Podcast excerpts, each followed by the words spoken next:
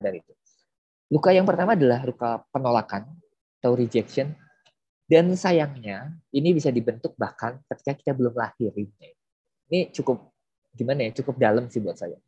Jadi ketika seorang anak itu kemudian lahir tanpa diinginkan, contohnya anak yang lahir karena dalam tanda kutip kecelakaan, anak yang lahir karena orang tuanya akhirnya merasa bahwa sudah cuma punya cukup anak, tapi kenapa dia lahir gitu ya?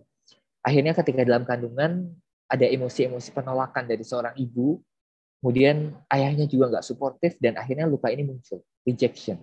Walaupun nggak diomongin. Ditambah lagi nanti ketika lahir diomongin. Kamu tuh sebenarnya lahirnya tiba-tiba gitu. Lahirnya mendadak. Itu sebenarnya luka penolakan, rejection. Nah, ketika seseorang punya luka rejection, dia akan cenderung withdraw. Ya. Cenderung menolak ya atau menarik diri dari situasi karena nggak mau pengalaman tertolak ini terulang kembali. Jadi perhatiin deh, perhatiin diri kita sendiri. Berapa banyak dari kita yang sering kali misalnya ada situasi yang nggak nyaman, akhirnya kita mundur, tapi mundurnya tuh benar-benar kayak ah saya takut ditolak. Ada ya termasuk keluar takut keluar dari zona nyaman, termasuk takut uh, berhubungan dengan orang baru. Sebenarnya itu luka rejection. Nah, beberapa cirinya adalah merasa tidak diinginkan, ya, merasa nggak berharga, kemudian kadang-kadang menolak apa yang diinginkan dan sulit memahami keinginan sendiri bahkan dan gangguan yang sering aktif ya. Jadi luka penolakan biasanya ada gangguan yang aktif ya. Yang pertama adalah gangguan kecemasan. Itu sering banget. Seorang biasa dengan luka penolakan dia mudah cemas, mudah overthinking dan yang puncaknya adalah ada alarm palsu dalam dirinya yaitu panic attack.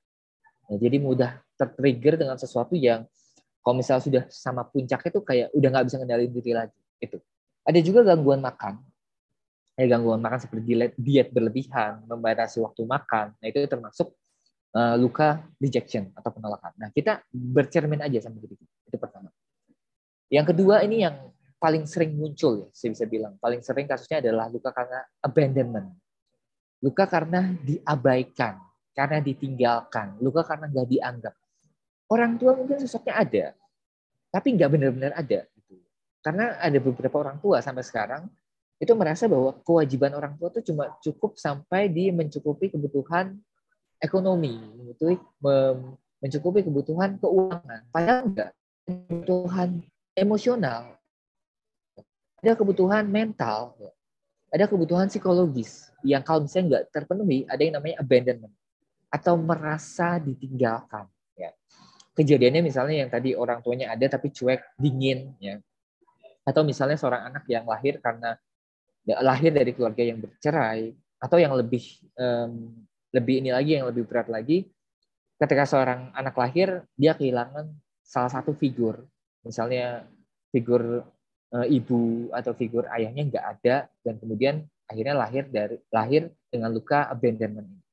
Gangguan yang bisa aktif adalah kesepian atau kesendirian yang terus membayangi. Jadi walaupun situasinya ramai walaupun punya banyak teman, punya banyak sahabat, akan ada momen di mana merasa sendiri aja. Rasa bahwa orang-orang tuh nggak cukup paham tentang diri.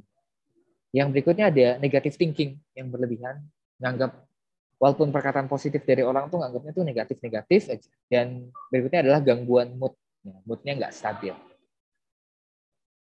Yang ketiga ada, ini saya percepat aja ya. Yang ketiga ada luka karena dipermalukan dan sayangnya ini bisa terjadi dalam keluarga. Contohnya orang tua yang dalam tanda kutip ya mengejek anak untuk memotivasi, ya itu masih sering dilakukan sekarang. Akhirnya seorang anak tanpa sadar itu bisa jadi merasa layak dihina dan punya kepercayaan diri yang rendah. Jadinya people pleaser. Yang mengorbankan keinginannya, mengorbankan kebahagiaannya untuk dapat diterima sama orang lain. Dan yang sering saya temui juga ya dalam kasusnya adalah adanya self punishment. Misalnya, contoh ya, ini contoh sederhana aja.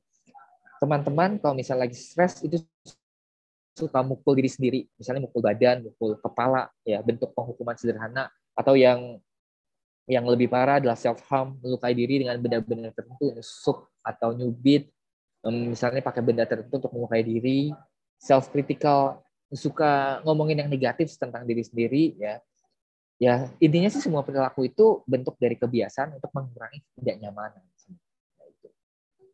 Nah, dikit lagi ya. Satu lagi terakhir sebelum nanti kita mungkin akan lebih ke tanya jawab ya. Kalau ada waktunya lebih nanti eh, kita gali lagi materinya seperti apa. Eh, ada juga dua luka. Ini saya jadiin satu aja yaitu karena pengkhianatan atau betrayal dan juga injustice. Karena terlalu sering dibandingkan. Contohnya kamu tuh nggak kayak kakak kamu. Kamu tuh nggak kayak anak tetangga gitu. bandingin prestasi bandingin prestasi ini agak typo ya. Akhirnya seorang anak jadi overachiever ya. Ingin jadi yang nomor satu. Ingin sesuatu tuh harus sempurna gitu. perfeksionis gitu. Sesuatu tuh harus kayak ya saya punya target yang harus ditemui tapi kalau udah dapet target itu dia nggak tahu sebenarnya mau apa.